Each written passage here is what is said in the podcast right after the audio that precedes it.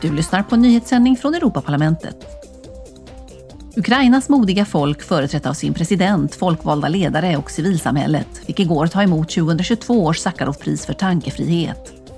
Ceremonin hölls i Strasbourg och Europaparlamentets talman Roberta Metsola sa We have witnessed the inspiring resistance Vi har bevittnat det inspirerande motståndet hos vanliga medborgare som satte livet till för att hejda en kolonn stridsvagnar.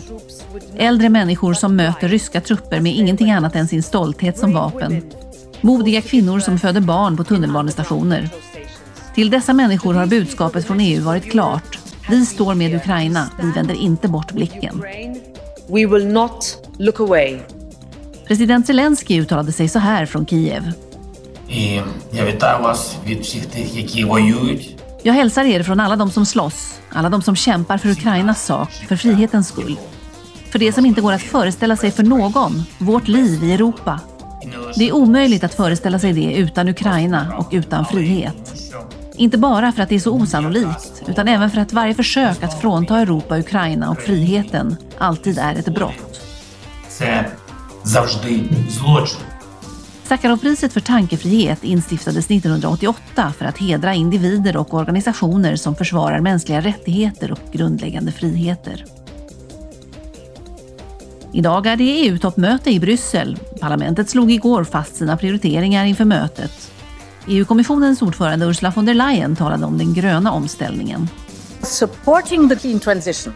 Att stödja den gröna omställningen är det rätta, om man gör det på rätt sätt. På ett öppet sätt och i en anda av samarbete som ger alla samma möjligheter. Så det borde vara en jakt på tiden och inte en jakt på varandra. Det borde vara en kapplöpning mot toppen och inte mot botten. Under mötet i Bryssel inriktar sig stats och regeringscheferna främst på den senaste utvecklingen i Rysslands krig mot Ukraina och hur man bäst fortsätter att stödja Ukraina.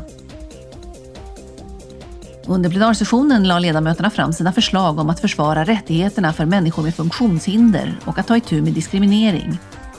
De krävde åtgärder för att öka dessa människors deltagande i samhället och en ny rättslig ram för funktionshindrades rättigheter som hjälper till att utrota stereotyper. Europaparlamentet vill också ha lagar om inkluderande arbetsplatser och bättre användning av EU-medel för att främja inkludering och tillgänglighet. Du har lyssnat på en nyhetssändning från Europaparlamentet.